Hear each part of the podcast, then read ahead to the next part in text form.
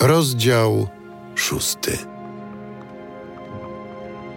A tej nocy sen odbiegł króla i polecił on, aby przyniesiono księgę pamiątkową kronik i czytano ją przed królem. Tam znaleziono zapisane to, co opowiedział Mardocheusz o Biktanie i Tereszu, dwóch eunuchach królewskich z pomiędzy stróżów progu, którzy usiłowali podnieść rękę na króla Asferusa.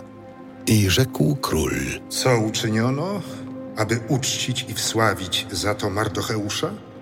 Odpowiedzieli królowi dworzanie, którzy mu usługiwali. Nie uczyniono dla niego zupełnie nic.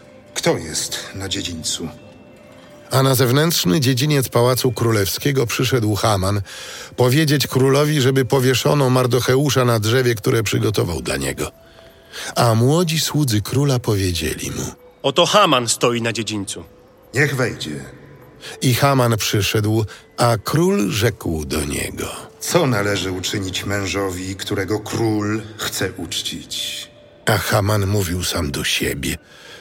Kogóż by król chciał uczcić bardziej niż mnie?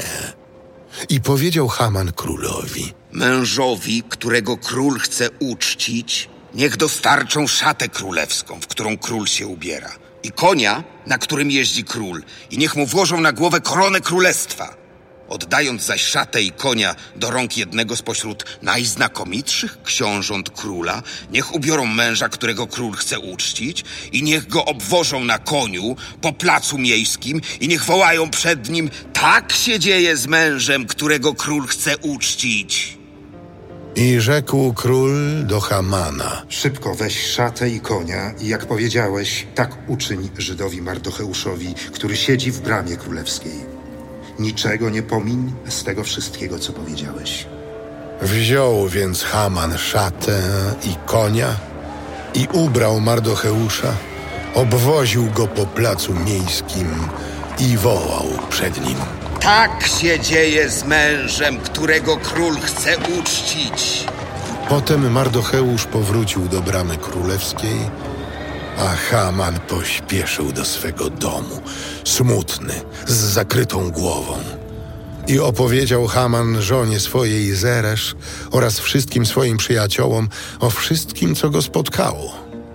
I odpowiedzieli mu doradcy jego i żona jego Zeresz. Jeżeli Mardocheusz jest z narodu żydowskiego, a ty zacząłeś przed nim padać, to nie przemożesz go. Raczej całkiem przed nim upadniesz. A gdy oni jeszcze z nim rozmawiali, nadeszli eunuchowie, by śpiesznie zaprowadzić Hamana na ucztę, którą przygotowała Estera.